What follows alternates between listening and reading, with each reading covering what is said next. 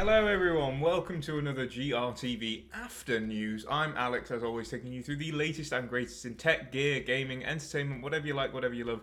We always have it here at GRTV News, and we also have it in the wider Gamereactor network. So if you like gaming reviews, previews, movie reviews, and more, be sure to check that out wherever you get your Gamereactor from. But with enough of me babbling, let's get to today's news. Unsurprisingly, we're going over something that was shown at last night's Super Bowl if you didn't watch the Super Bowl, fair enough, but it usually has a lot of trailers, especially movie trailers that are coming our way and sort of showcasing what's going to be coming out in the next few months, if not the year as a whole. We got things like Deadpool 3, which has already been talked about in another GRTV news video. We got Despicable Me 4, we got Wicked, we got some other stuff. SpongeBob and Patrick were on commentary. It was a wild ride. I didn't watch the show, but the memes afterwards have been pretty good. We also got a look at the Kingdom of the Planet of the Apes trailer, the first showcase of this new trilogy in the Planet of the Apes universe. I'll just let the trailer sort of play in the background here. Um, after we get past this ad, of course.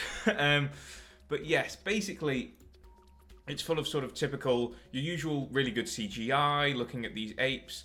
And basically, it takes place a few hundred years, uh, if I'm not wrong, after the events of War for the Planet of the Apes, which was the third film in the sort of Caesar trilogy. Caesar is long gone, as we know, and we're sort of in this new age of the Planet of the Apes now, where it is truly owned by the apes, and humans are sort of hunted and have become sort of devolved in a way. Um, there's a new king in charge by the looks things, Proximus, I believe his name is. But uh, he's not a very cool guy, as we know, and it's up to our boy Noah to figure out what the secrets of the world were and that humans aren't actually that bad. You know, apes are pretty much hunting humans, treating them like uh, secondary beings, basically, and uh, Noah doesn't think that's right.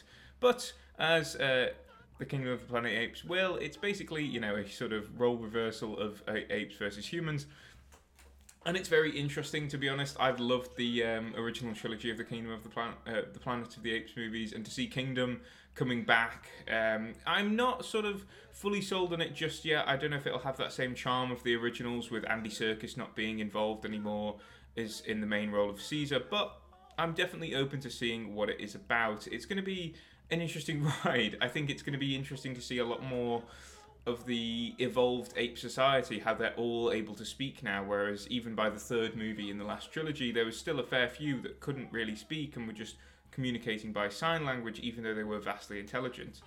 And we're still at this point though where like ape society hasn't fully evolved to the points of the classic Charles Henson movie or something like that. Charles Henson? Not sure that's the name of the actor. I can't remember the name of the actor. In any case, can you remember the name of the actor who was in uh, the original uh, Planet of the Apes movie? What do you think of Kingdom of the Planet of the Apes movie? Do you think it'll be good? Do you think it'll be bad? Let me know all that and more, and I'll see you in tomorrow's GRTV news video. Bye bye.